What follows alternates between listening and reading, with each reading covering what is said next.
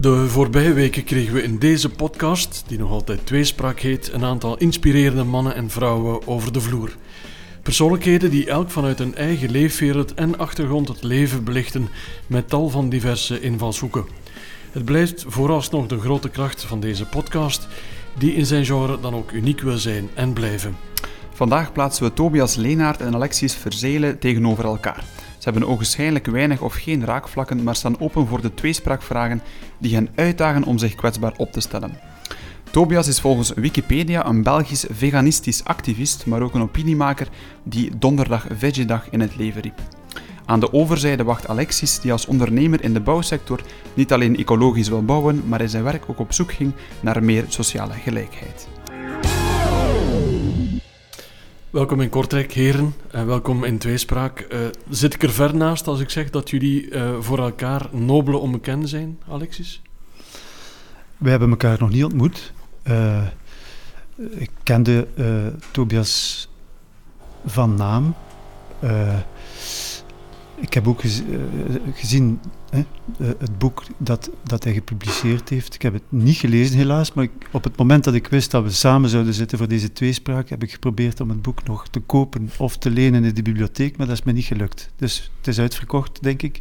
Mm -hmm. En in de bibliotheek was het ook uitgeleend. Dus uh, een teken dat het wel gelezen wordt en geapprecieerd wellicht ook, hoop ik. Mm -hmm. Tobias, de naam Alexis Verzelen, zei je dat iets voor je naar hier kwam? Uh, eerlijk gezegd niet, maar ik ben niet zo met, uh, met bouw bezig, alhoewel dat ik het uh, sociaal en, eco ja, het sociaal en het ecologisch aspect heel interessant vind. Ik denk dat het ook wel duidelijk een, een, raakvlak is. Dus je zei dat er geen raakvlakken zijn, ik denk dat er wel degelijk zijn. Mm, mm. Maar het blijft een boeiende uitgangspositie, omdat jullie toch wel ja, grote verschillen tonen van elkaar, denk ik. Ja, absoluut. Ja. Dus... Uh, het leven van een activist is niet dat van een, uh, een uh, lesgever of een onderzoeker. Ja. Heb ik je goed geïntroduceerd, Tobias? Of wil je daar nog iets aan, aan toevoegen of weghalen? ja, ik ben actief of actief geweest in verschillende organisaties die rond vleesvermindering werken. Mm -hmm. uh, en momenteel geef ik, uh, of buiten coronatijden dan, uh, vooral trainingen aan vegetarische, veganistische activisten wereldwijd en ook okay. consulting aan, aan bedrijven. Oké. Okay. Jij bent de oprichter van Donderdag Veggiedag. Luisteraars weten het niet, maar het is vandaag donderdag. Is dat voor jou nog een speciale dag?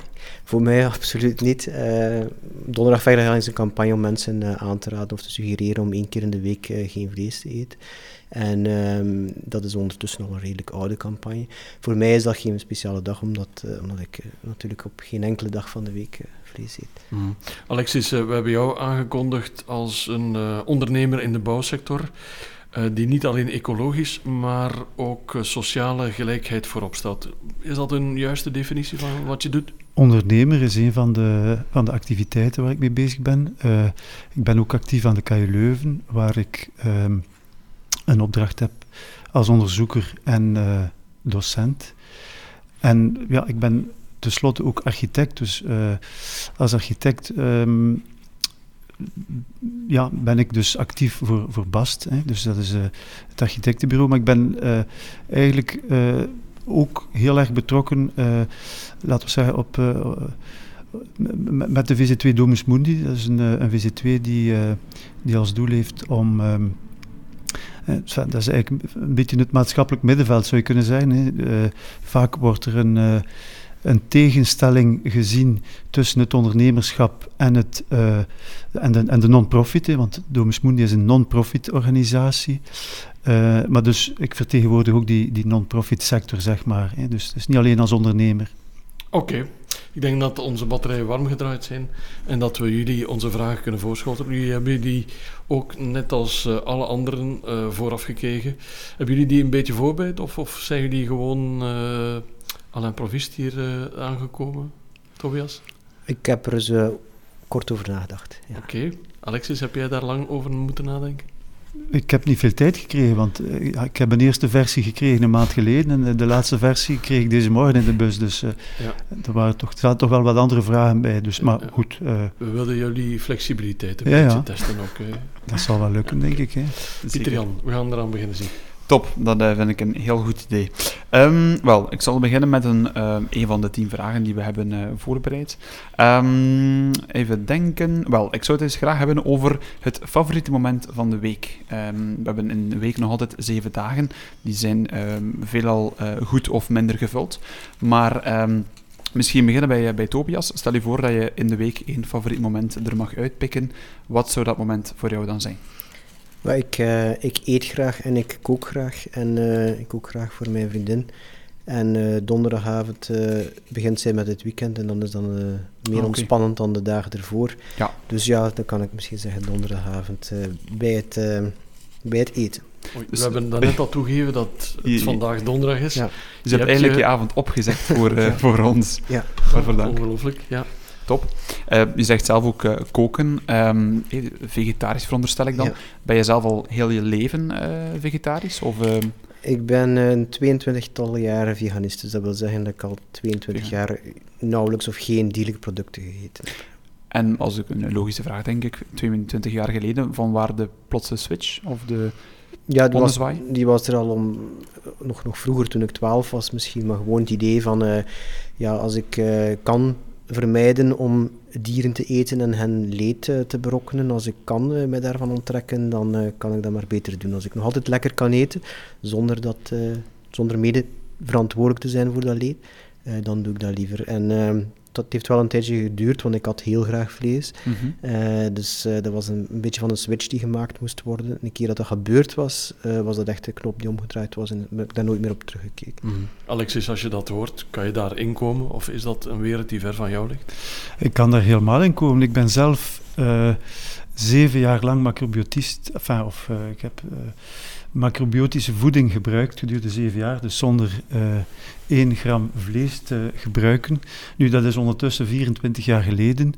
Um, maar dat is een periode die, uh, die ik ook heel bewust beleefd heb en uh, die ik ook heel, waar ik ook heel bewust afstand van genomen heb. Hè. Dus, met, maar, ik heb er zeker geen spijt van. En, nu, anderzijds, hè, je hebt er straks gezegd, we staan heel ver van elkaar, of er zijn weinig gelijkenissen, maar mm -hmm. laten we zeggen, als ik dan denk aan het bio-ecologisch bouwen, hè, dat is toch een van de um, benaderingen waar, wij, of waar ik voor sta, dan uh, is een van de materialen waar we heel vaak mee werken ook, zijn plantaardige materialen. Dus we werken heel vaak met, met stro, we werken heel vaak met, met hennep. Dat is een materiaal dat meer en meer opkomt. Dus ja, ook dat is een, heeft een, uh, misschien een bepaalde uh, correlatie met, of uh, houdt enigszins een verband ja. misschien met, met wat, wat Tobias doet. Mm um,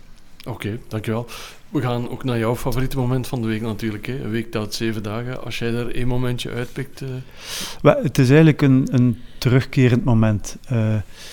het, mijn favoriete moment is eigenlijk s'nachts. Ik word iedere nacht, zowat iedere nacht wakker, mm. rond uh, twee, drie, vier uur. Mm. En uh, ik gebruik dat moment om, uh, om te lezen. Dat is een moment waar ik tot rust kan komen en waar ik op een heel geconcentreerde manier ook kan, kan lezen en waar ik ook notas neem. En, ja.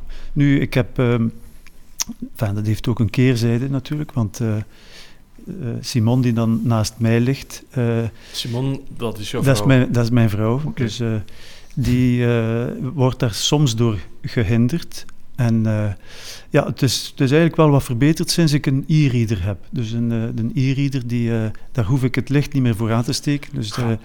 dat scheelt dan ook. Um, maar goed, ik heb ook papieren boeken en dan moet ik het licht wel aansteken. Maar nee, dat zijn, dat zijn echt de momenten waar ik tot rust kom. En eh, ik moet zeggen, dat is ongeveer nu toch uh, een aantal jaren dat ik dat, ik dat doe. En uh, ik begrijp ook beter waarom monniken s'nachts opstaan ook. Mm. Die, die staan op s'nachts om drie uur, bijvoorbeeld Benedictijnen of zo, mm. weet je, om, om, te, om te bidden. En ehm, ja, dat, dat, dat, is een beetje herkenbaar. Ja, en het gebeurt vanzelf? Het is niet zo dat je je wekker... Uh, nee, ik word spontaan wakker. En, uh, nu, de, ik word meerdere malen uh, op een nacht wakker. Hè. Maar ik heb niet altijd het verlangen om te, om te lezen. Dus eh, ik moet me echt uh, heel klaar wakker voelen om, uh, om, te, om dan te beginnen lezen. Dus, en ik ga dan ook, als ik moe ben, ga ik terug slapen. Dus ik heb eigenlijk weinig slaapproblemen. Mm. ik heb ook voldoende uren, dus het is geen het is geen opdracht. Of het is. Hebben we het dan over, over een uurtje lezen, over een half uurtje lezen? Of, of hoe, hoe, moet ik dat zien? Ja, een, een half uur tot een uur.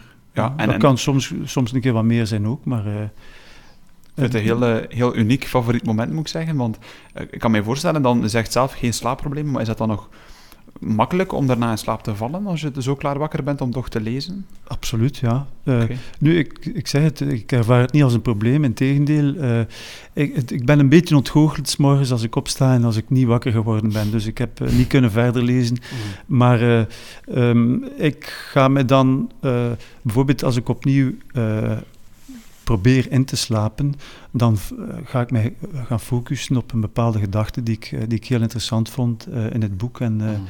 ik ga dan verder dromen, zou je kunnen zeggen. En op die manier slaap ik dan iedere keer opnieuw in. Ja. Mooi. Het is ook niet ongezond of zo, want het is toch wel vrij merkwaardig, of niet? Ongezond? Ja, goed, ik heb ook geen keuze. Dus ik zou kunnen zeggen, ik ga een uur wakker blijven liggen en rondkijken, maar ik denk dat dat misschien wel, dat dat pas ongezond zou zijn. Hè. Maar, zeker mentaal. Dus uh, ik, ik, nee, ik voel er mij heel, heel goed bij. Dus, uh. Tobias, slaap jij een stuk door s'nachts? Of, uh... Doorgaans wel. En um, moest ik s'nachts een boek pakken, ik denk dat mijn vriendin heel erg zo grumbelen en morren en slaan eventueel. dus ja. ik kan, dat niet doen. Nee, nee, nee. nee. Okay. Maar een e-reader kan misschien de oplossing bieden. Ja, eventueel. Ik heb zelfs uh, voor, voor nachtelijke notities heb ik pennen gekocht die licht geven. Misschien is dat ook iets voor u. Maar, uh, cool. maar ze geven zodanig licht dat het heel fel is in mijn ogen, dus ik heb ze nog nooit gebruikt. Ja, voilà. Ja. Maar het is een mooi, maar speciaal favoriet moment, moet ik zeggen. Ik heb dat nog nooit, uh, nog nooit gehoord. Ja. Mhm. Maar wel mooi. Ja, uiteindelijk heel uniek ook, dat je zelf ook toegeeft. En zeker om toch s'nachts te lezen, mm. lijkt mij een mooie uitdaging. heeft iets van een magische gave, vind ik zo. Ja. S'nachts op het, uh, ongeveer hetzelfde moment wakker worden. En dat brengt ons naadloos bij onze volgende vraag. Uh, welke magische gave zou je willen bezitten? We zijn allemaal mensen, maar als we onze fantasie eventjes de vrije loop laten, welke gave zou je dan graag willen bezitten, Tobias? ik kan er de 10.000 op noemen, maar uh, één die ik vandaag heel relevant vind, zou zijn de, de gave om mensen om te zorgen dat mensen vijf of tien minuten stilstaan voor ze een mening vormen over een complex onderwerp. En niet direct zeggen van, uh, dit denk ik ervan. En dat die mening op Facebook smijten en uh, op social media smijten, met alle gevolgen van dien. Meestal een slecht geïnformeerde mening die uh, dan maar verspreid wordt en geliked wordt en die dan andere mensen irriteert. Terwijl dat we eigenlijk even goed zouden kunnen zeggen van, kijk, ik ga hier eens vijf, vijf minuten over nadenken. Mhm. Denken, ben ik genoeg geïnformeerd? Heb ik daarover nagedacht? Uh, is er iets dat ik mis? Kan ik dit anders interpreteren? Enzovoort.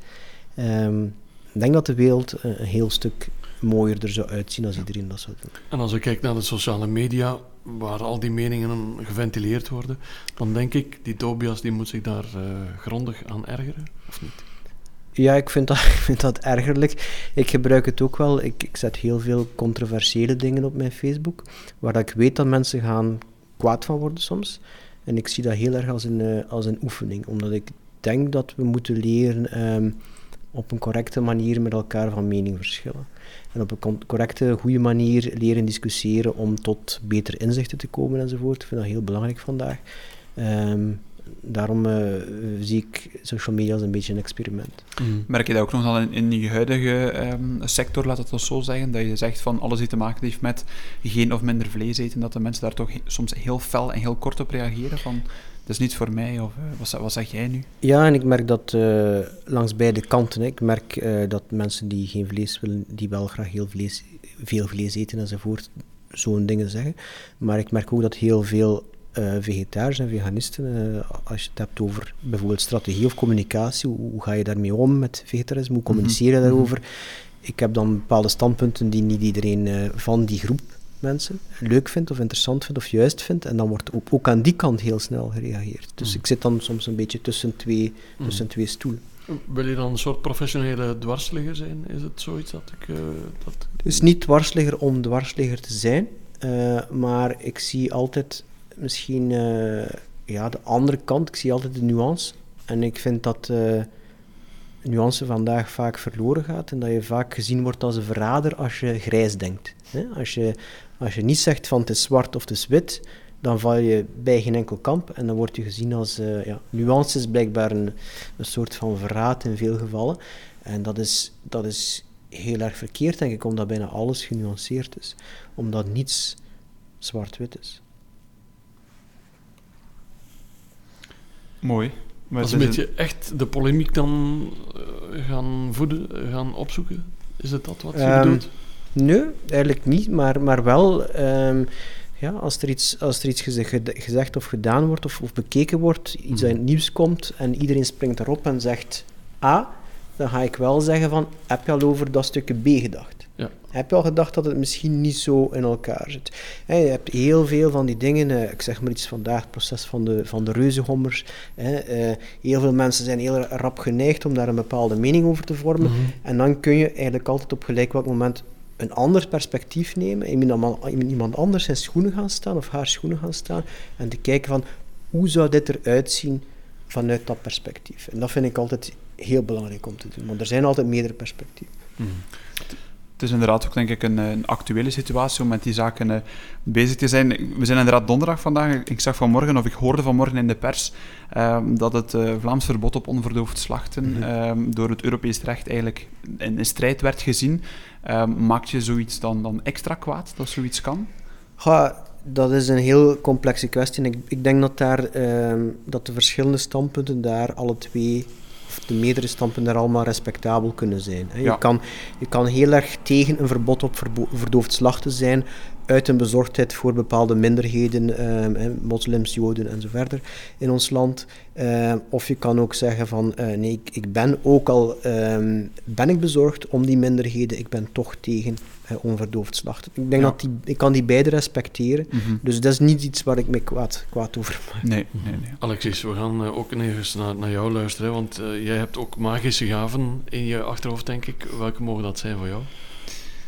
Ja, uh, je bent begonnen met, met, met mij daar straks te vragen, uh, je bent een ondernemer. Uh, ik beschouw mezelf ook een beetje als een, een kunstenaar. Hè. Dus een, um, een architect hoort volgens mij ook een beetje een kunstenaar te zijn. En de, de magische gave die ik zou willen ontvangen is eigenlijk om een gezamt kunstler te zijn. Dus een kunstenaar die uh, verschillende kunstvormen gaat, uh, gaat toepassen. En ik heb voor een stuk wel heel wat domeinen aangeraakt. Hè. Naast architectuur uh, ook productontwerpen, design. Hè. Ik heb heel wat gebruiksvoorwerpen ont ontworpen. Hè. Meubels, stoelen, mm -hmm. tafels. Ik heb zelfs een, een eetservies. En dat was in, in mijn macrobiotische periode heb ik een, een eetservies um, ontworpen dat ik uh, toen een beetje als metafoor zag voor, uh, voor de spijsvertering. En, uh, want eigenlijk de spijsvertering begint op het bord. dus en, en dat was de metafoor voor het, voor het servies dat ik toen, toen ontworpen heb. een heel organisch gegeven. Ik, ik heb me ook bezig gehouden met beeldende kunsten. In mijn jongere jaren, zeg maar. Hè. Dus een aantal installaties gemaakt, ook deelgenomen aan een aantal tentoonstellingen. Um, wat ik nog niet uh, de kans heb gehad om, uh, om te gaan toepassen is het, uh, of te gaan beoefenen, is dans en, en performance. Maar mm. ik heb wel een aantal ideeën ja. in dat verband. Je staat er ook wel voor open. Ik sta er ook voor open. Ja. taal, um, de gesproken taal, de geschreven taal interesseert mij. Ik, ik schrijf ook heel graag. en dan, enfin, muziek, ik speel, ik speel een beetje muziek ook, dus...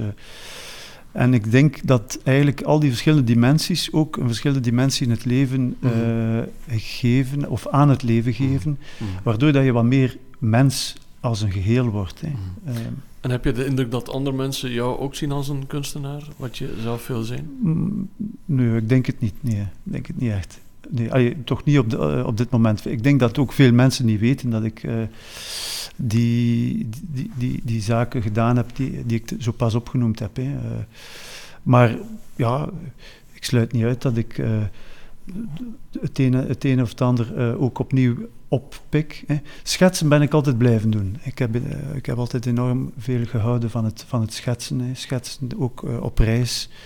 Eh, en, en in het bijzonder vlugschetsen. Ehm, daar houd ik bijzonder veel van, want dat is ook een manier om te kijken.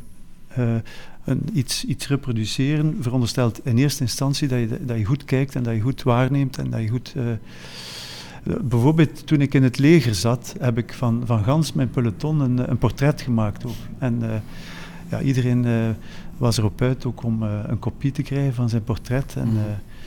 ik vind dat bijzonder boeiend om, om met één trek dus die, die portretten te gaan maken. Hè. Dus om, om, daar ook niet te veel tijd in te steken. Dus uh, om, om met, uh, met een grote slagkracht ook uh, en trefzekerheid die dingen te doen. Mm. Zingen, dansen, dat staat nog op je lijst. Voilà. Is dat iets dat we mogen zien als een soort van bucketlist? Of heb je daar andere dingen bovenaan staan die je echt nog graag wil, wil doen, wil realiseren in jouw leven? Wel, in verband met die bucketlist, um, ik, ik, zat eigenlijk ook wel vandaag te, na te denken over het antwoord of op het antwoord. Maar ik, ik heb het gevoel dat ik geen speciale verlangens heb. Zo. Uh, ik heb het gevoel dat ik in, in alles wat ik doe uh, heel veel geluk heb ook. Dat ik die kansen krijg. En uh, ik besef dat uh, heel veel mensen niet het geluk hebben om uh, de dingen te doen die, die ze verlangen en die, die ze willen doen. En uh, heel veel mensen die in kwetsbare posities zich bevinden, die bijvoorbeeld in um, energie, sorry, in generatiearmoede zich bevinden, of mensen die van migranten, dus migranten of, en dergelijke mm -hmm. meer. En ik kan me helemaal niet vinden in de, in de visie die stelt dat um, er kansen genoeg geboden worden in onze samenleving om, om voor die mensen die uit de boot vallen, uh, om daar gebruik van te maken. Hè. Er zijn mensen die daar gewoon zonder de hulp van anderen gewoon niet uit geraken. En, mm. en dat is eigenlijk met, misschien als, als er één uh, verlangen uh, op, mijn, op mijn lijstje staat, dan is dat om mensen te helpen om, om daar precies uit te geraken. Dus, want bij de meeste mensen is dat een redelijk egoïstische keuze. Bij jou is het net andersom. Hè. Heel altruïstisch, mm -hmm. die bucketlist. Opvallend. Ja, uh, enfin, ik zeg het nog eens. Ik ben heel dankbaar voor, voor alle kansen ik, die, die, ik gekregen heb. En uh, uh, mocht je mij vragen, wat, wat, zou je, wat zou je doen mocht, um, hè, mocht u morgen sterven, of, of, volgende maand sterven? Ik denk dat ik gewoon zou verder doen wat ik nu aan het doen ben. Dus ik ik denk niet dat ik uh, nog snel uh, iets zou willen inhalen. Uh, nee, ik voel me echt volledig goed zoals, zoals het is. Dus ik heb geen echte, echte bijzondere verlangens. Tenzij anderen misschien helpen om, om datzelfde te bereiken wat, wat kan bereikt worden zonder... Heel mooi. Ja. Een van onze vorige podcastgasten, ik heb het een tijdje geleden ook al gezegd, zei dat hij uh, armoede ziet als een schending van de mensenrechten. Um, is dat iets, uh, Tobias, waar je mee kan vereenzelvigen met die uitspraak? Ja, armoede, um, eigenlijk het ontbreken van, um, van heel veel kansen, hè, kan gezien worden als een schending van de mensenrechten. Uh, het feit dat je in, in ongezonde situaties belandt of ongezond bent uh, door uh, niet genoeg of slecht te eten, dat soort mm -hmm. van mhm. dingen. Uh, ja, dus enorm veel miserie in de wereld en ik sluit me daarbij aan bij ehm, wat Alexis zegt van, van heel veel mensen. Ehm, je mag mensen soms nog zoveel kansen geven in de maatschappij. Ja, het is niet alleen dat zij bepaalde um, in andere omstandigheden opgroeien, zoals migratie of armoedeomstandigheden, maar het is soms ook dat zij um, andere, um, ja, min, minder kansen gekregen hebben genetisch enzovoort. Hè. Dus dat, dat, dat je, de ene mens is al slimmer dan de ander, de ene mens is al ondernemender dan de andere, en dat heeft, dat heeft ook heel veel met je, met je uh, biologie te maken. Zeker. Dus um, ik denk dat wij moeten, moeten ons realiseren, en, en, en ik heb onlangs iemand horen zeggen. Ik vond dat heel mooi. Van, uh, dat is de grootste, de grootste fout die, die de rechterflank in de politiek maakt. Is, is, is niet te onderkennen dat er dat in alles wat we doen, in alles wie dat we zijn, heel veel geluk zit. Ja. En dat, dat we allemaal, als we het goed hebben, dat we het geluk gehad hebben om het goed te hebben. Ja. En dat de mensen die soms ergens niet geraken, dat dat een grote kwestie is van, Mm. van, van on- ongeluk. Tobias, we gaan even naar jouw geluk en naar jouw bucketlist. Je hebt nog niet geantwoord op die mooie vraag. Wat eh, staat er bij jou op, eh, op nummer 1? Welke droom heb jij nog? Goh, ehm, er zijn er veel hoor, maar eh, moest ik nu zeggen van ja, het allerbelangrijkste is eigenlijk, is eigenlijk je, je welzijn. Hè? Van, van, ik kan ik zeggen van ik wil dag gezien hebben, een dag gezien hebben, een dag gedaan hebben, maar als dat mij niet gelukkig of niet tevreden maakt, dan ben je er uiteindelijk niets mee. Dus ik zou zeggen van peace of mind, innerlijke rust, ehm, dat dat eh, een van de zaken is die ik wil Mhm. bereiken en die ik iedereen zou toewensen. Een, een druk leven waarschijnlijk ook, denk ik. Ehm, al dan niet eh, voor en eh, tijdens, tijdens corona. M- Je zegt innerlijke rust. Hoe kom je zelf tot rust? Is dat door meditatie of door bepaalde oefeningen? Of ehm, kom je op een bepaalde manier tot rust? Wandelen misschien. Ik woon in een bosrijke streek en dat, Mhm. dat helpt wel. Ja. Ehm, Escapisme, Netflix kijken, kan, Ja, ook, kan ook werken. Ehm, ja. Oké. En eh, Alexis? Hoe kom jij, als je zegt van een- ik heb een heel drukke dag, veel projecten afgewerkt, veel meetings, eh, buiten het lezen dan eh, tijdens de nacht, hoe kom jij op een bepaald moment even tot rust van oef, even alles laten, eh, laten vallen en gewoon eventjes tot jezelf komen? Heb je daar een bepaalde, een bepaalde methode voor of een, eh, een moment op de dag? Ja, als ik, als ik thuis kom, dan. eh, dan ga, eh, enfin, meestal is Simon thuis, hè, want Mhm. zij, is, enfin, zij is gepensioneerd. Mhm. En dan, dan vertellen we hè, wat we, hoe de dag verlopen is, wat we gedaan hebben. over de actualiteit ook. Hè. We praten heel veel over de actualiteit. Dat, dat is een, een heel rustgevend moment. We, meestal kijken we ook samen naar, naar de zaken, naar de Mhm. afspraak. Eh, Mhm. Trouwens, we beginnen ook onze dag eh, op die manier. Hè. Dat is eh, ook een heel sterk moment, het ontbijt samen. Dus we hebben de luxe dat we eigenlijk ook die, dat ontbijt samen kunnen nemen, s morgens. Ja, dat zijn rustgevende momenten. Nu, ik, ik, heb me, ik, ik heb daarnet gezegd dat ik s'nachts eh wakker word, dat ik dan begin te lezen. Maar het gebeurt ook wel dat ik na de maaltijd, en we nemen meestal een maaltijd eh, eh, in de latere middag, hè, dus 1, 2 uur. Maar ik ga dan ook een dutje doen. Dat is ook een, een ma- manier om, eh, Ja. om tot rust te komen en om ehm, wat, wat krachten op te doen. En na- nadien kan je er, kan je er opnieuw tegenaan. En heeft iemand van jouw leeftijd nog veel stress eigenlijk? Of, of is dat, valt dat weg op een bepaald moment? Ik heb, ik heb vrij veel stress, ja. Toch, ja. ja. Ik, ik straal dat niet uit. Veel mensen eh, vinden van mij dat ik zeer veel rust uitstraal, maar ik heb zeer veel inwendige stress. Ja, toch wel. Maar oké, dat is voor mij ook een, eh, ik kan niet zeggen een stimulans, maar eh, Een soort ik- drive. dat, is een, dat geeft een drive, ja. Mm. Dus ja, het is, het is gezonde stress. Ik zie het als een gezonde stress. Dus, ik heb een, een sterk hart ook. Mhm. en een beetje gezonde stress, eh, dat is wel goed. Ja. Dat houdt u ook wakker, denk ik. Dat was even van stress naar het eh, ultieme ontspannende moment gaan. Eh, iedereen heeft sowieso in zijn leven, of zelf tijdens de week, een moment of een, ehm, dat wil zeggen, een kantje dat misschien niet iedereen kent. U weet dat ook wel, een guilty pleasure. Ehm, mochten jullie jullie guilty pleasure, die favoriete guilty pleasure, even moeten delen met onze luisteraars? Het is van Wat- moeten. Dus het is van moeten, het is verplicht. niet anders interpreteren. Eh, daarnet, zei, daarnet zei Tobias al, ehm, Netflix misschien binge-watchen, maar heb je een, heb je een bepaalde ehm, guilty pleasure, Tobias? Goh, voor beide gewone dingen, zoals inderdaad Netflix en eh, eten enzovoort, eh, kan ik misschien zeggen, iets dat iets verder gaat, is, is eh, ja, dessert eten en dan nog verschillende desserts met elkaar combineren. Dus zoals bijvoorbeeld eh, ijs smeren op een donut of eh pannenkoeken met ijs en chocolade, dat soort van dingen. Zo daar, daar soms wat, eh, wat decadent Ja. ver in gaan. Ja. Ben je dan gulzig als het gaat om guilty pleasures? Ik ben te gulzig in verband met eten. Ja. Ik eet eigenlijk meer dan ik zou moeten eten. Mhm. En, en dat is nog niet gelukt om daarmee op te houden. Nee. En Heb je dan een schuldgevoel nadien of kan je dat makkelijk van je afhouden? Voorlopig niet, maar eh, ik denk van de moment dat er...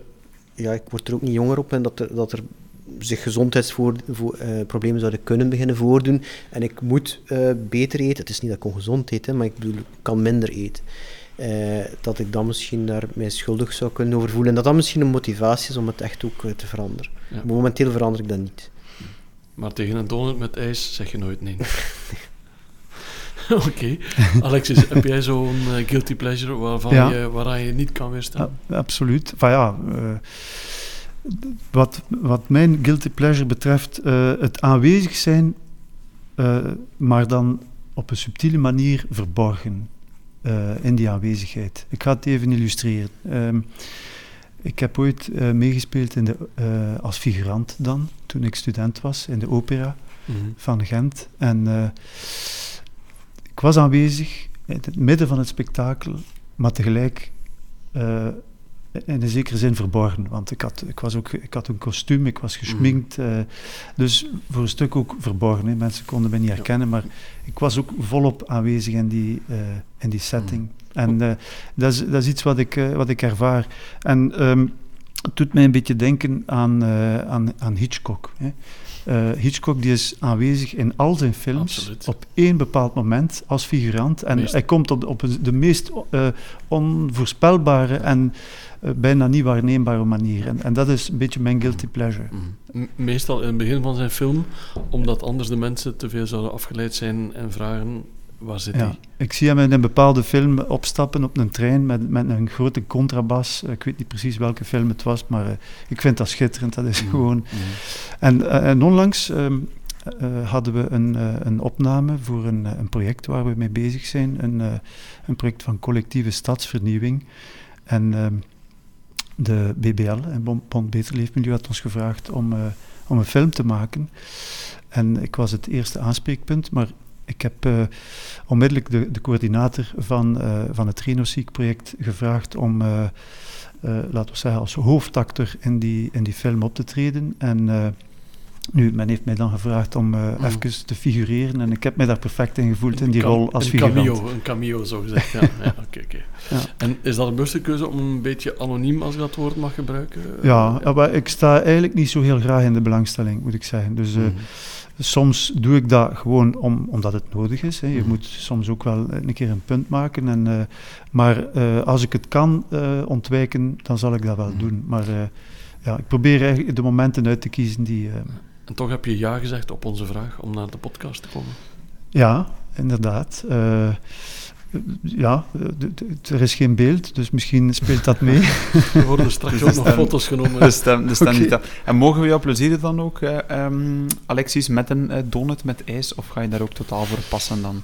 Wel, ik moet eerlijk zeggen, eh, ijs, daar houd ik niet zo heel veel van. Eh, ja, maar eh, ik, ik eet graag. Ik ben ook een beetje een bourgondier, maar ik kan ook eh, als een asceet zijn soms. Ja, hè. ja. Eh, dus eh, ik vind daarin wel eh, een goede balans. Mhm. Maar ik kan veel, allee, eh, laten we zeggen, het, het, een maaltijd, ik geniet daarvan in de, ma in de mate dat het ook een sociaal gebeuren is. Hè. Ja. Eh, ik kan er enorm veel van genieten om met, om met Simon te gaan uiteten. Eh, ook thuis, want zij kookt schitterend. Eh, dat is ongelooflijk hoe zij kookt, nog, nog eh, volgens de oude stempel, zeg, ik, zeg maar. Hè. Eh, ehm, maar eh, ik, kan er, ik kan er echt van genieten om, eh, om lekker te eten. Eh, ook eh, de, de gepaste wijn Mhm. daarbij. Ja, ja. Maar eh, ijscreme is niet, eh, is niet aan mij besteed. Nee, nee. Tobias Alexis die kiest ervoor voor een rol in de schaduw. Hij zegt zelf figurantrol. Jij bent een activist. Dat is net het tegenovergestelde? Of zijn er ook daar raakvlakken? Wel, ja, je moet af en toe eens uit je kot komen. ehm, Jij bent wel iemand die durft op de tafel te kloppen, denk ik. ja, ook al is het eh, altijd ehm, of zoveel mogelijk genuanceerd. Eh, maar ja, in de belangstelling staan of in de schijnwerper staan heeft altijd te maken met, met de boodschap verspreiden die ik dan belangrijk vind. Mhm. Dus eh, het, is niet, het draait niet om, om mezelf, maar om, om dan ja, die ideeën eh, verder eh, in de wereld te helpen Mhm. waar ik achter sta. Dus als je bijvoorbeeld deelneemt aan een podcast, is het ook met de bedoeling om te zeggen van kijk, ik sta daarvoor en... Ja, ik, had geen, ik heb geen activistische agenda vanavond, eh, maar eh, ja, als daar naar gevraagd wordt, dan ga ik daar mijn mond over openen. Mhm. Maar je bent daarom bekend geworden, dus je weet op voorhand dat we daarover wat dingen zullen vragen, denk ik. Ja, maar ik denk anderzijds ook wel graag eens na over de vragen die jullie stellen die daar niks mee te maken hebben. Dus, Ja. eh, ja. Dus ook een beetje de leuke insteek, denk ik, dat we net een keer de vragen stellen die eigenlijk wat breder gaan dan eh, de zaken die je constant en elke dag Mhm. misschien eh, ook, Ja, ook inzet. Maar mag ik daar nog iets aan toevoegen? Dus, dat mag zeker, ik, ik denk dat ik ook wel een beetje een activist ben in de zin dat ik eh, wel eh, met actie bezig ben. Hè. Ik heb daarnet gezegd, eh, ik, ben, ik zit in het onderzoek. Hè. Eh, de KU Leuven is een... eh, wij houden ons bezig met ehm, innovatie, en eh, in mijn geval sociale innovatie. Eh, maar dat onderzoek probeer ik altijd te koppelen ook aan een, eh, een valorisatietraject. En eh, dat dan gepaard gaat met een, met een actie, een concrete actie. Dus meestal resulteert het onderzoek in een, eh, een businessmodel of, een, eh, of iets wat, wat heel concreet en eh, eh, ge- ja, eh, eh, activerend is, als ik het zo mag zeggen. Mhm, dus, eh, mhm, mhm. Alexis, eh, jij bent al over half weg in jouw leven. Eh, Tobias, jij bent 47, heb je daarnet eh verklapt. Als je nu eens eh, terugkijkt naar die eerste helft van het leven, ehm, waarvoor ben je dan het meest dankbaar? Op welk moment of eh, welk deel van het leven kijk je met plezier terug? Ja, eh, ik heb eh, de kans gekregen om een aantal projecten te realiseren, waarvan, als ik daar naar terugkijk, ik, ik er nog altijd volledig achter sta. Ik heb bijvoorbeeld op het hoogste punt van België een project gerealiseerd. Ik heb er ook een gerealiseerd op het, op het laagste punt van België. Ehm, dus eh, in Botrange heb ik eh, de kans gehad om een, een project te realiseren. 694 meter hoog. Ik heb dat vroeger geleerd in de lagere Ja. Ik wist het niet meer. Ehm, dat is dicht bij de, de Barak Michel, hè, dus eh, in Botrange. Eh, dat was het resultaat van een architectuurwedstrijd die, die ik gewonnen heb. Ik was toen nog alleen eh, als architect. Hè. Ik denk dat het in 92 was. Ik ben gestart in, in 86. Het was een, eh, een wedstrijd eh, met de bedoeling... dat, die was uitgeschreven door het Waalse gewest met de bedoeling om het gebruik van hout als bouwmateriaal te promoten. Hè, het, het Mhm. Belgisch hout als, als bouwmateriaal te promoten. En daar waren drie categorieën. Ik heb ge- gewonnen in de categorie loods. Hè, dus ik heb een, een houten loods mogen realiseren. Ehm, het was een, eh, een hele uitdaging om het, het ontwerp eh, dat dan geselecteerd was door de jury, om dat ook eh, te, gerealiseerd te krijgen. Want de, de opdrachtgever, hè, dat was het, het Waalse gewest ook. ehm, en dus dat was een, een loods die moest dienen om de hoge venen, hè, dus het materieel dat gebruikt wo- wordt om de hoge venen te onderhouden, om, om die te stockeren. Hè. Dus maar mijn directe aanspreekpunten, dat waren, dat waren boswachters, hè, boswachters of, of eh, eh, ambtenaren van, eh, van, Bo- van Bos en Groen. En die waren eigenlijk niet zo gelukkig met mijn ontwerp. Dus ik, heb, ik heb dan eigenlijk, ik ben er geslaagd om toch de mensen te overtuigen. Ik heb Mhm. mijn ontwerp wel een klein beetje moeten aanpassen. Mhm. Enfin, een, niet alleen op het hoogste punt, het laagste punt ook. Hè, in Sint-Idisbald een, eh, een woning mogen realiseren. Maar ook halverwege, hè, in Deinze, Mhm. een, ehm, een woning op, op palen ge- eh, gebouwd. Mhm. Eh, ik heb daar een kleine anekdote, als ik die mag vertellen. Eh, die, de, de, de woning was gerealiseerd en ehm, daar is dan een, eh, een artikel over verschenen in de Standaard, in de Woongids heette die toen. En Colette de Mil had eh, dat artikel gemaakt en had de titel gegeven eh, Huis op palen. En eh, in het artikel stond dat die woning gebouwd was in, in Deinze. En ehm, een lezer van de Standaard, die was zo gefascineerd door, door die woning, maar er stond geen adres in de krant. En die had een, een, een brief geschreven met op de, op de omslag eh, Huis op Palen, Deinze. En die, en die brief is effectief toegekomen, hè, dus Ja. bij, bij de opdrachtgever. Maar wat ik, eh, wat ik daar ook nog wil over vertellen is, is het volgende. En, en dat zegt ook wel iets over mijn attitude naar, ehm, laten we zeggen, wat, wat, wat ik wil bereiken als architect. Namelijk, eh, ik, was, ik was in eerste instantie een beetje op mijn voeten getrapt, maar de, de klant, hè, als de, de woning was gerealiseerd, en eh, die had mij dan in een gesprek gezegd van, eigenlijk ben ik wel heel, heel tevreden met die woning, want dat ontwerp, Mhm. eh, dat is eigenlijk van mij, dat ontwerp. En ik, ik ben eigenlijk wel fier van mijn ontwerp. Dat had de, de bouwheer tegen mij gezegd. En in eerste instantie was ik, was ik toch wel een beetje geschokt, want ik dacht, ja maar nee, dat, dat is mijn ontwerp. En ik heb hem dat op die manier niet gezegd. Mhm. Maar nadien, nadien dacht ik, eigenlijk is dat, is- zou, dat, zou dat het ultieme doel moeten zijn van een architect, namelijk dat een, een, een bouwheer of een klant eh, zich zodanig vereenzelvigt met het ontwerp, totdat hij zegt, ja, dat is mijn ontwerp. Da- Dan heb je pas je doel als architect bereikt, denk ik. eh, Als je Ja. die nederigheid mocht, mocht hebben om, om, om te zeggen van, ja, eigenlijk eh, ben ik alleen maar een, een coach geweest, of Mhm. ben ik alleen maar een, eh, ja, Dus eigenlijk een subtiel, maar toch heel gericht je stempel ergens, eh, ergens opdrukken ook. Denk ik dan. Ja, de plaats, eh, laten we zeggen, uzelf niet eh, overschatten, hè, want Mhm. eh, de, architecten staan wel gekend om hun nogal groot ego vaak. En, Hoe zit, hoe zit dat bij jou eigenlijk als je kijkt in de spiegel, Alexis? Als ik dat mag vragen. dat is een, ehm, een aandachtspunt, zeg maar. Dus ik, probeer, ik probeer daar ehm, Iets aan te doen. daar iets aan te doen, ja. Dus, eh, ik, ik heb een eh, heel mooie anekdote ook over, over Michelangelo. Ik wil mij zeker niet vergelijken met Michelangelo, maar op een dag vroeg men aan Michelangelo, hoe ben je erin geslaagd om, om die engel, om, die, om daar zo een, een fantastisch eh, beeld van te maken? En zijn antwoord was, ik heb eigenlijk niks anders gedaan dan die engel uit die blok marmer te bevrijden. Dus ik heb alles rond die engel weg, weggenomen. En, en dat is een beetje mijn... eh, mijn betrachting ook, om, om de dingen die eigenlijk in C al aanwezig zijn, om die gewoon los te maken en om te eh, ontdekken, zou je kunnen zeggen. Dus ehm, ja, ontbedekken. Dus Hmm. eh, ja. Oké. Tobias, jouw realisaties in jouw leven, ben je daar eh, dankbaar voor? Of, of zijn er andere zaken waarvoor je zegt van, daar ben ik nu wel eh, trots op, als ik dat woord mag gebruiken? Eh, realisaties, ja, ik, ik heb eh, een organisatie opgericht, of een paar organisaties die wel wat impact gehad hebben enzovoort, dus ik ben daar trots op, maar ik vind trots altijd een heel, ja, ik ben ook niet vrij van ego, zeker niet, Ehm, maar trots is zoiets, ja, als je dat dan combineert met wat ik, vorige keer, met wat ik ervoor zei, met, met het feit dat wij allemaal niet zo heel erg verantwoordelijk zijn voor wie dat we zijn, en Ja. dat het allemaal geluk is, ja, Mhm. op wat moet ik dan trots zijn, hè?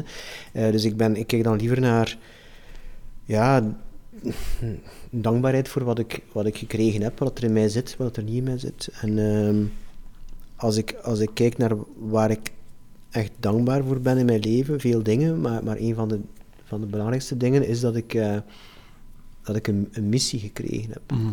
Van een missie die mij overvallen is. Hè. Een missie wil zeggen van eh, iets waar dat je voor gaat, waar dat je van wakker ligt, waar dat je voor staat, wat dat je, dat je pijn doet. Ehm, En die missie is nog lang niet een einde, heb je dat Nee, gevoel? Nee, ja, dat is een, een mooi citaat. ehm, iemand die zegt, ik weet niet meer wie dat was, maar, maar kijk, je moet iets hebben, eh, iets dat, dat, ehm, waar, je, waar je mee gaat slapen en mee opstaat enzovoort. En het meest belangrijke is, het moet iets zijn dat niet gedaan kan worden.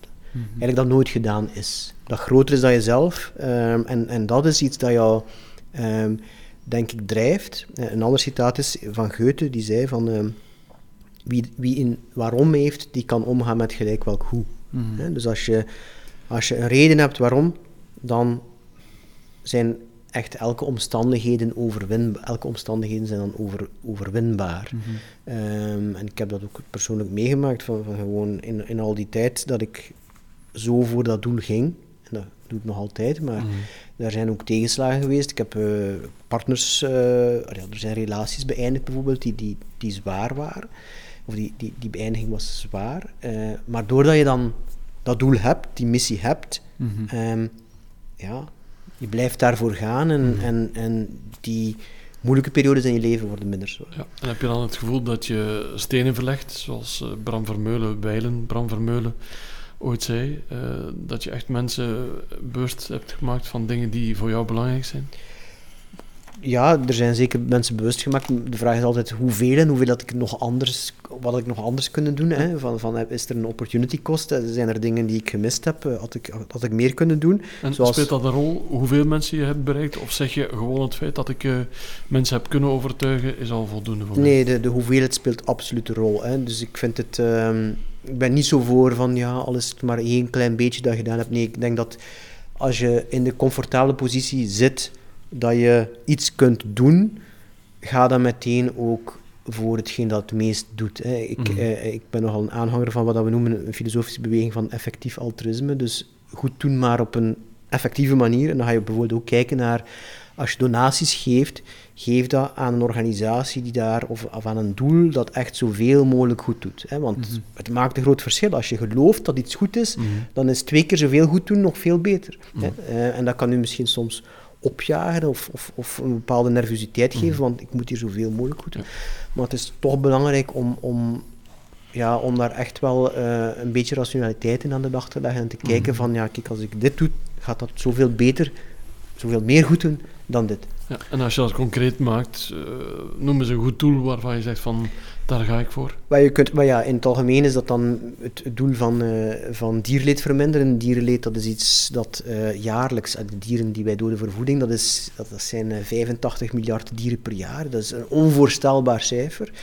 Uh, maar je kan bijvoorbeeld, ja, mensen die daar geïnteresseerd zijn, kunnen naar de organisatie givewell.org gaan. En Givewell is een organisatie die organisaties of goede doelen uh, taxeert op hoe efficiënt zijn ze. En ze mm. bijvoorbeeld, als je naar mensen, mensendoelen kijkt, uh, doelen die iets doen aan malaria, zijn heel efficiënt. De Against, Against Malaria Foundation bijvoorbeeld is iets waar je heel veel bang for your buck krijgt. Dus dat je per geïnvesteerde euro heel veel uh, terugkrijgt. Dus je moet er een beetje naar kijken zoals een investeerder. Ja, ja. Uh, kijken van wat is uw return on investment. Mm. U spreekt zelf over een heel sterke missie en, en roeping. Steven is van, uh, van Aalbeke, voor de mensen die dat niet weten. In Aalbeke heb je de Saint-Cornil, dat is een uh, puur sang vleesrestaurant. Um, op welke manier zou je zoiets hebben van eigenlijk wil ik dat gewoon een keer en zeggen van mannetjes, waar zijn jullie in godsnaam mee bezig? Is het ook zoiets dan? Of, of maak je dat kwaad over het algemeen, dat mensen blijven vlees eten en minder bewust zijn? Of hoe moet ik dat concreet uh, zien? Ik heb het, ergens het geluk gehad dat het mijzelf heel veel tijd gekost heeft om te veranderen. Dus ik begrijp ook van andere mensen dat het niet, niet gemakkelijk is. Uh, ik zou wel vragen aan mensen om, om daarvoor open te staan, om pogingen te doen, om inspanningen te doen om te veranderen. Mhm. Omdat ik denk, omdat ik er vrij van overtuigd ben dat de meeste mensen wel inzien dat er daar van alles verkeerd mee loopt. Hè. En, en, dat de meeste mensen echt wel zeggen van, kijk, uh, dit zijn dingen die gebeuren met dieren die ik niet zou willen dat ze met mijn hond gebeuren. Of zo. En, en, die er allemaal tegen zijn, die er allemaal zelf uh, het erge van inzien, maar eigenlijk niet de daad bij het woord kunnen voegen. En de daad bij het woord voegen is, is, is, een, is een kwestie van, van gewoonte en van een keer beginnen aan iets en dan een beetje voortdoen. Uh, en, en dat is zo iedereen wel in zekere mate moeten kunnen, denk ik. Maar ik, ik las ook nog in een, in een onderzoek ter voorbereiding van deze podcast dat er veel mensen zijn die zeggen, zelf rokers, van vraag mij morgen om te stoppen met roken, het zal lastig zijn, maar het lukt mij. Vraag mij om te stoppen met vlees en dat lukt echt totaal niet. Het is, het is niet makkelijk hè, voor veel mensen. Vlees en, en gewoon voeding in het algemeen veranderen. Voeding is iets dat er van in het begin in zit. Je hebt dat gegeten van, ja, vanaf dat je geboren wordt, begint eten. En uh, je gaat bepaalde associaties maken tussen bepaalde voeding en, en bepaalde herinneringen. En je mhm. voelde je goed toen je dat at. En uh, dat gaat er moeilijk uit. en, mhm. en je moet eigenlijk... De, de, manier om dat te veranderen is een alternatief hebben die, dat bijna even lekker is. Of nog lekkerder is. Mhm. dat is. Dat is eigenlijk volgens mij de beste manier. Sommige mensen worden echt gemotiveerd puur door die morele argumenten. Voor veel mensen moet dat gepaard gaan ook met echt een alternatief hebben. Oké. Maar dus, uh, ik, kan, ik, kan, zeggen dat de, de macrobiotische keuken, enfin, dat is een keuken die ik een klein beetje ken, maar dat is ongelooflijk lekker. Hè, wat je daarmee kan maken, dat is... Uh, maar goed, een... Uh, een bolletje ijs af en toe, dat mag. Op een donut. Waarom niet? Ja. Zou je dat ervoor over hebben om, om dat niet meer te eten in ruil voor iets anders? Zoals Tobias dat heeft verteld vanuit zijn, uh, vanuit zijn leven. Om, om geen vlees meer te eten? met vlees eten. Of verder dan dat, uh, niets meer van dierlijke oorsprong. Ik, ik, denk dat ik nu daar niet meer zou voor kiezen. Voor het uh, vleesloos dieet of... allez, uh, nee, ik, ik, kan daar, ik kan daarvan genieten, maar ook al probeer ik dat, dat, dat ook echt met mate te doen. Maar uh, eh, ik hou bijvoorbeeld heel veel van, eh, van lamsvlees, eh, Mhm. ook eh, geitenvlees. eh. Enfin, ik woonde ooit eh, op de buiten, hè, in, in Zulte. Nu, ik ben eigenlijk een stadsmens, maar door omstandigheden was ik in Zulte eh, beland. En eh, ik heb daar ook dieren gehouden. En, eh, Mhm. Ja, eh, Een, een van onze vorige gasten was ook van Zulte, Wouter Berlen. ah ja, tuurlijk. Ja. Ja. ik heb dat gezien. Ja. Ja, Oké, top.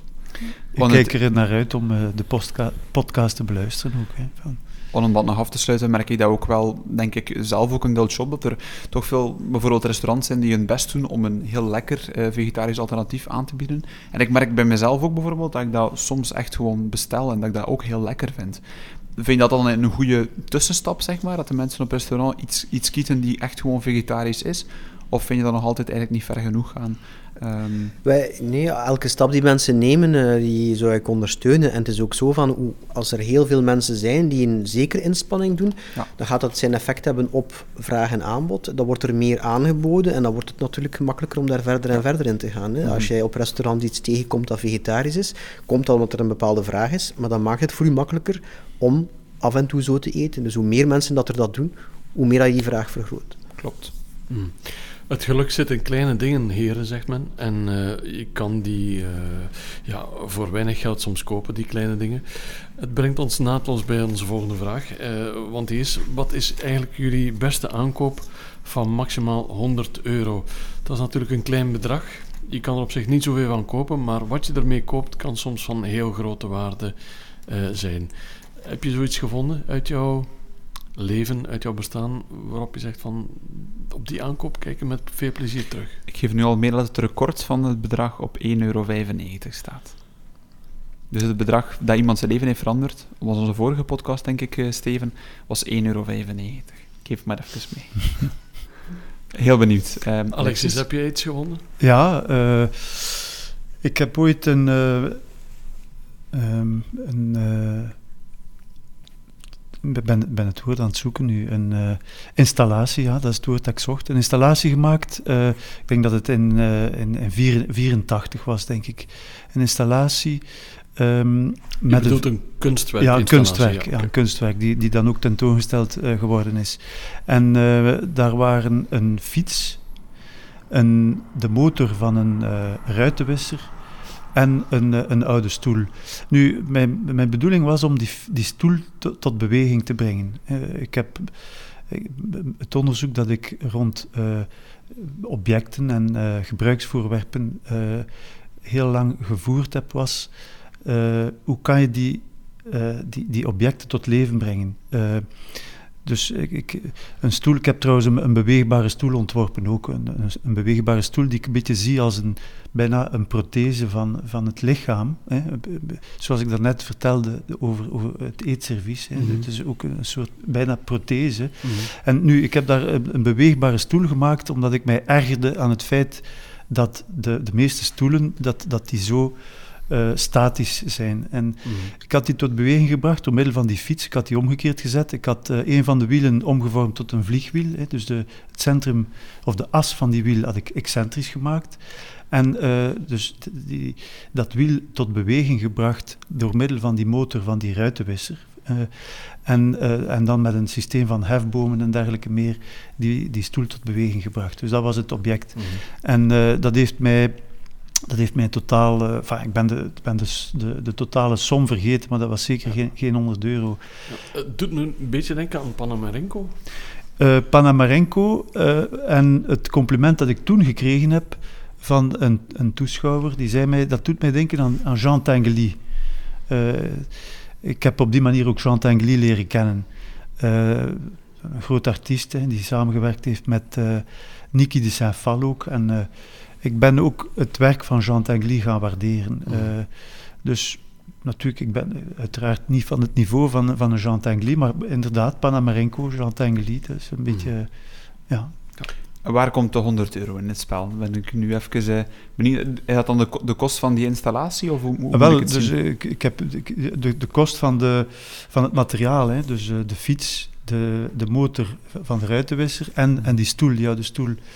Nu, ik, wij zijn ook, ik ben ook eh, vanuit het, uh, duurzaam bouwen, vanuit het uh, ecologisch bouwen, heel erg bezig ook met, met circulariteit, met circulair bouwen. En een van de, um, laten we zeggen, aspecten waar we heel erg veel rond werken, dat is afval. Hè? Afval en hoe kan je van afval ook voedsel maken. Ik herinner mij uh, ik zat toen nog in de, in de humaniora en um, we hadden uh, het vak esthetica.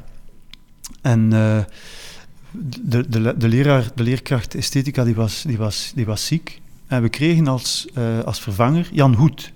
Jan Hoed die komt in, in het klaslokaal en die zegt, kijk, de les bestaat erin dat jullie alles wat jullie vinden aan het prikbord hangen achteraan. Dus alles wat jullie vinden op de grond, mm -hmm. op tafel, en enfin, dat, is, dat was dus het kunstwerk. Uh, dus met, met het potentieel van afval, dat is ongelooflijk. En ik zie dat in, in ons werk ook. Hè. Hoe kan je van afval voedsel maken voor, uh, laten we zeggen, nieuwe realisaties, nieuwe projecten. Ja, en ja, op die ja. manier circulair. Ja. Oké. Okay. Tobias, heb jij iets gevonden wat je ooit gekocht hebt dat geen 100 euro kostte? Het beste antwoord dat ik gevonden heb was uh, iets als banaal als een, uh, als een boek. Uh, een bepaald boek dat ik gekocht dat heb.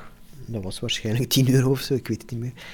het is een boek van Richard Bach, die misschien sommige mensen kennen als de auteur van Jonathan Livingston Seagull. Mm -hmm.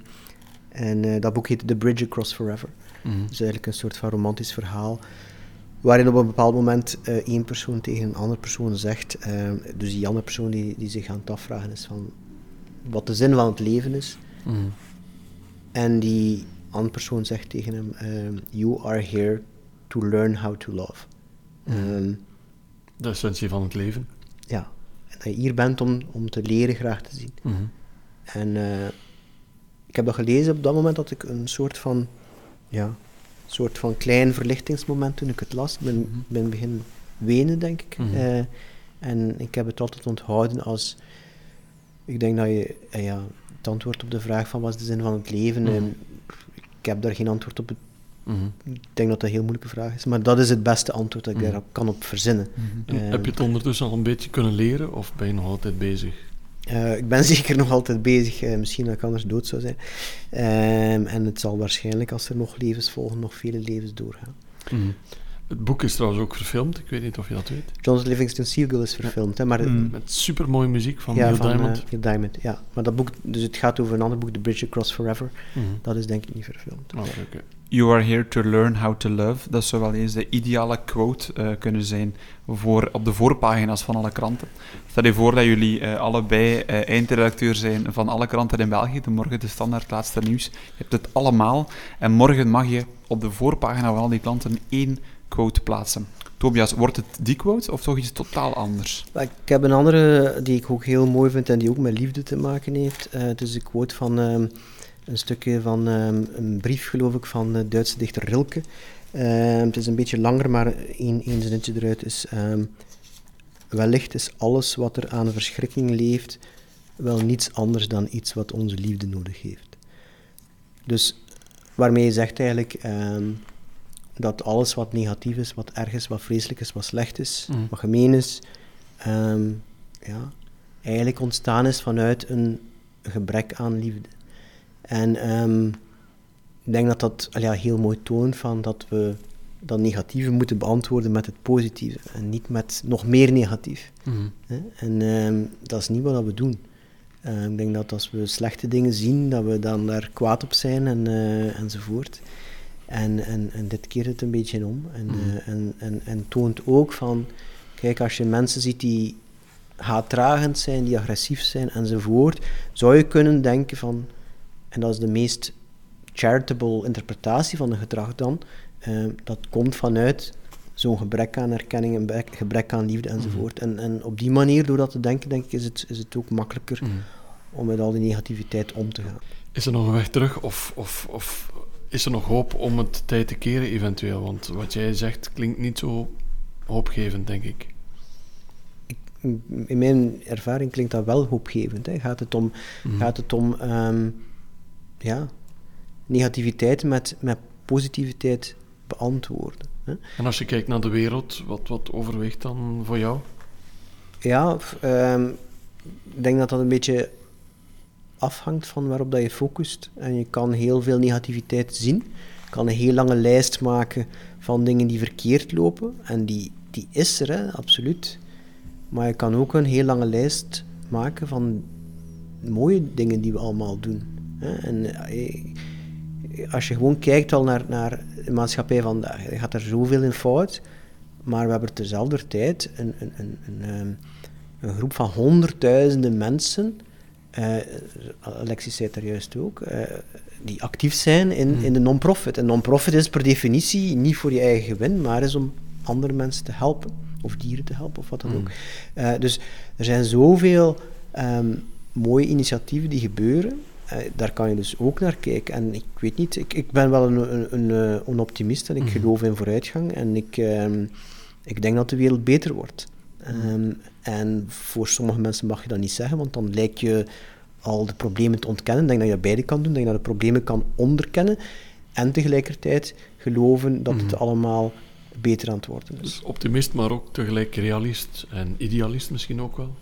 Ja, alles samen, maar, maar ik denk vooral... eh, ik denk dat, dat, ik denk dat je moet optimisme combineren met werken. hè. Hmm. Eraan werken, dat het allemaal... Is dus zoals dat citaat van eh, eh, in de jaren 50 over de Koude Oorlog of zoiets. Van, ehm, er werd gevraagd van... eh, wat, wat de kindjes in de klas dachten van die Koude Oorlog. Ze waren er allemaal bang voor en één kind zei van... ehm, nee, komt allemaal wel goed. En waarom, vroegen ze dan aan dat kind. En die zei van, omdat mijn mama en mijn papa er actie tegen voeren.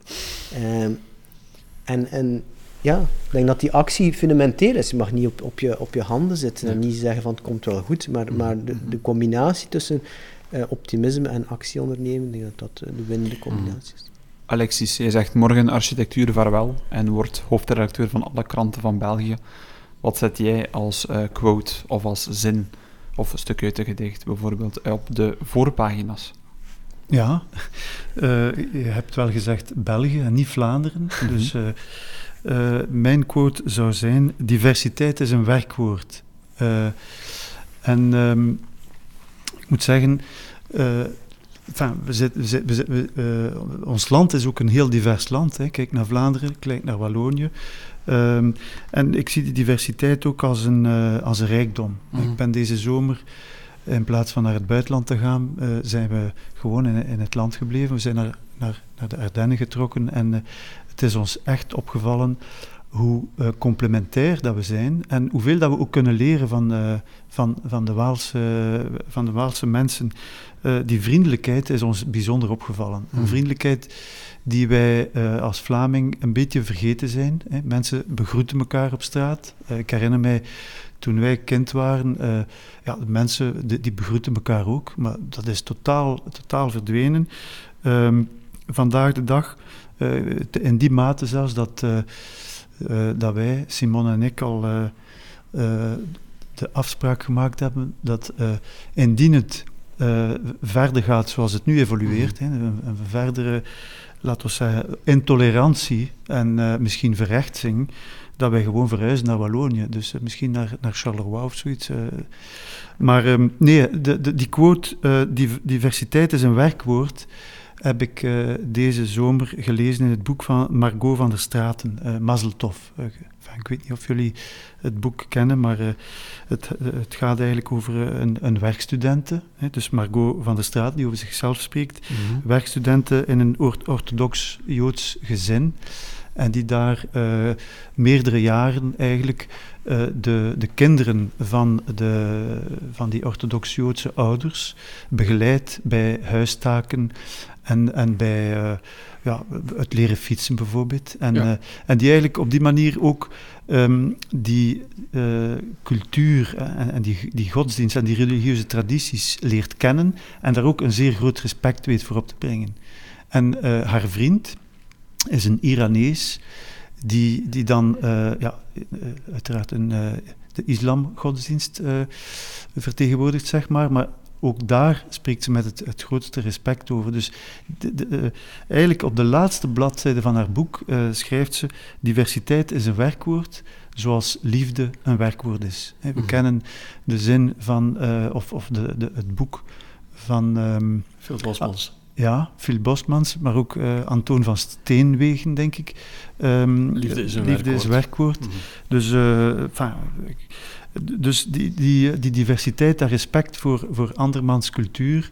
Um, nu, er is uh, één mindere kant aan het boek. Ik vond het een schitterend boek. Hè. Uh, ik zou het iedereen aanraden. Maar uh, wat, wat mij dan, dan een klein beetje tegen de borst stoot, is dat bijvoorbeeld die christelijke traditie helemaal afwezig is. Hè. Alsof dat, dat wij als Vlaming laten we zeggen, die, die identiteit, hè, want dat is ook een stuk, een stuk van onze identiteit, dat we die, dat we die ja, negeren of de, de, de, rug toekeren.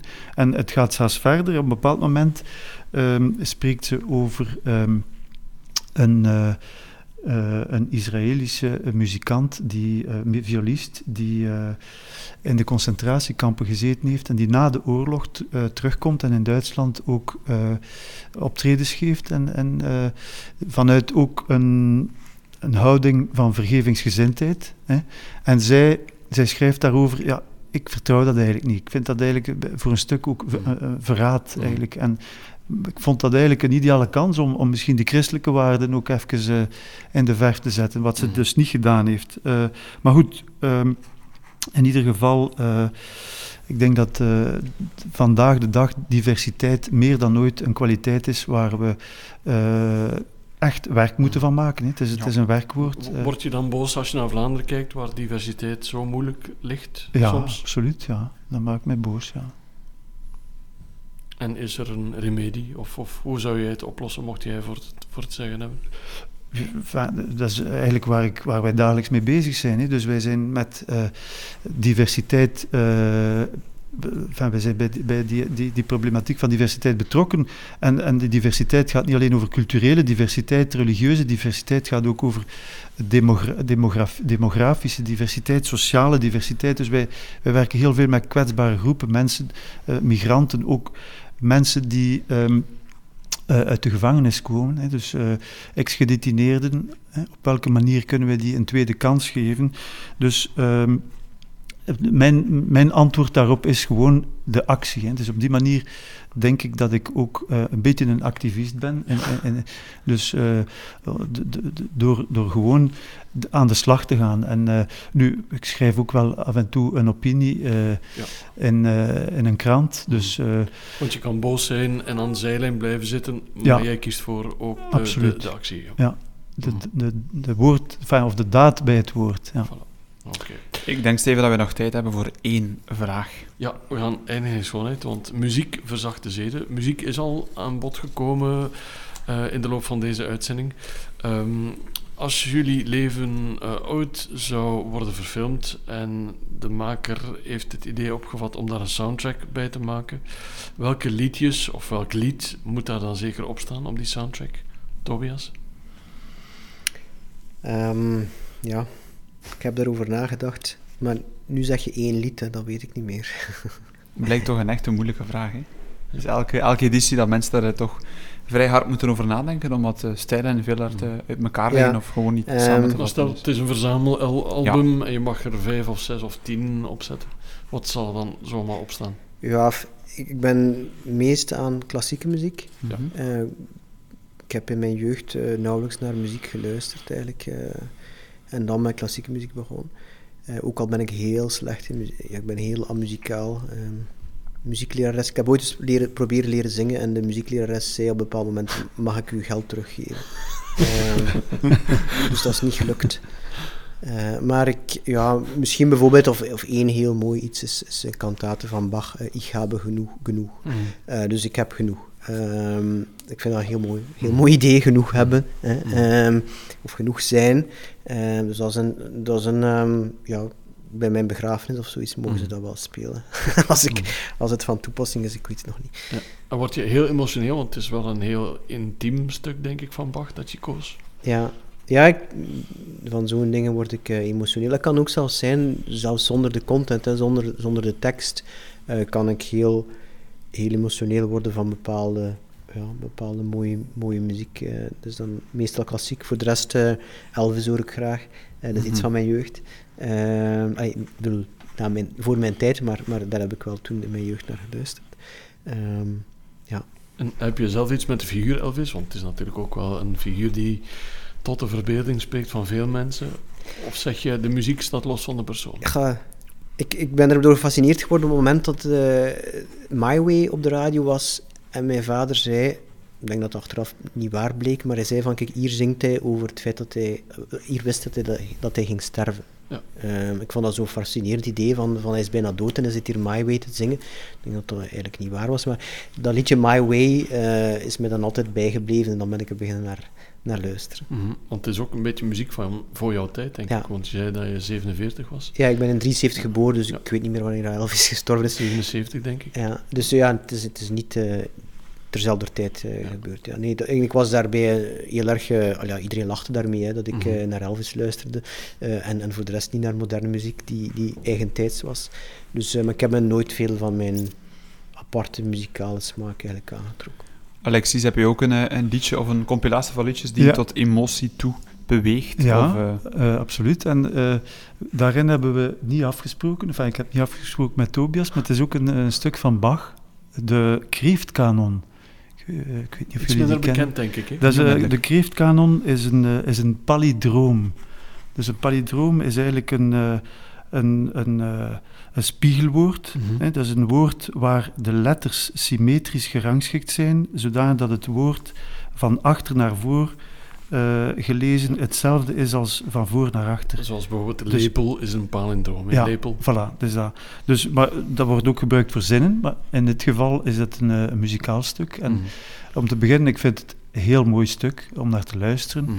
Maar ook uh, het idee van die palindroom, dat je trouwens ook uh, terugvindt in uh, andere kunstvormen. Ik, heb, ik denk dat het in 2017 was, in de Vooruit in Gent, een stuk gezien van het gezelschap Ontroerend Goed. Mm. En dus het, uh, het, speelt zich af en halverwege krijg je eigenlijk het stuk dat uh, gewoon uh, mm.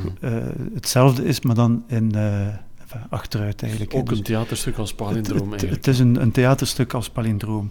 En um, nu, ik heb eigenlijk soms het gevoel dat mijn leven zich een beetje afgespeeld heeft als een palindroom. Dus uh, tot aan mijn veertigste is dat in een bepaalde richting gegaan en vanaf mijn veertigste in de omgekeerde richting. Hè. Um, dus alsof dat ik alles wat ik opgebouwd heb tot mijn veertigste, uh, ja, zich bijna alsof, alsof je een, een wekker gaat opdraaien. Hè. Je draait die op en uh, als die opgedraaid is, dan, dan ga je die uh, laten af, afspelen of mhm. zoiets. Hè. Of, of de, de veer gaat zich ontspannen en dan gaat die in de, in de tegenovergestelde richting mm gaan draaien. Dan uh, weet je eigenlijk al wat er gaat komen voor een stuk. Voor een stuk misschien wel, ja. Maar goed, uh, ik ben al twintig jaar verder dan die, uh, dat, van dat kantelmoment. Dus ik hoop dat ik, dat ik nog twintig jaar mag, mag mm. meegaan. Dus, maar nee. Nu, anderzijds uh, het heeft ook een wiskundige dimensie, hè, dus die palindroom. En uh, ik weet niet of jullie het boek uh, Escher, Gödel en Bach kennen. Ik ben ook een, een, een fan van, van, van Escher, een graficus, een Nederlands graficus, die ook heel veel hield van, van Bach en ook van Gödel, een wiskundige. Dus um, een van de, van de werken van, van Escher, dat is de, dat is de Möbiusband.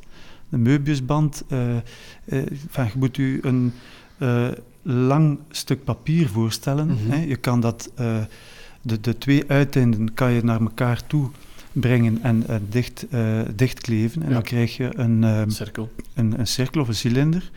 Maar als je nu de twee uiteinden, of één van die twee uiteinden, een kwart, een halve draai uh, omdraait en je kleeft het, dan samen, dan krijg je eigenlijk een, de Möbiusband. En uh, in die tekeningen van Escher zie je dus een, uh, een mier En die mier die gaat eigenlijk, uh, laten we zeggen, in een oneindig verhaal gaat die, blijft die rondlopen. En die gaat dus van de voorkant naar de achterkant, van de voorkant naar, de achterkant. En dat is een beetje wat, wat gebeurt met die, met die palindroom en met, met dat stuk, met die kreeftkanon van, uh, van Bach. Um, ik vind het een heel, heel doordachte keuze ook wel, moet ik zeggen. Het is zo een heel onder... Ik denk dat er nog niemand in onze podcast zijn muziekkeuze zo onderbouwd heeft. Maar ja, het is, het is niet iets wat ik nu bedacht heb voor, voor, voor deze podcast natuurlijk. Ik ben daar mhm. al heel lang mee bezig. Trouwens, ik, ik, ben, ik heb altijd ook wel interesse gehad voor wiskunde. Ik was... Uh, in de, in de humaniora. Ik heb WA gedaan, uh, dus de, de, wetenschap, de, de, de wiskunde-richting. En mhm. wiskunde heeft mij altijd geweldig, uh, geweldig geboeid. Uh, maar, maar, ook die link met, met, uh, met, met, de kunst. Hè. Dus, uh, ja. Nee, Pieter Jan doet op. Mensen kiezen bijvoorbeeld voor Billy Joel ja. Lady, of Lady Gaga. Of Lady Gaga, ja. omdat ze daar een goed gevoel bij hebben. Ja. Maar bij jou zit er echt een filosofie ook achter. Mm -hmm. ja.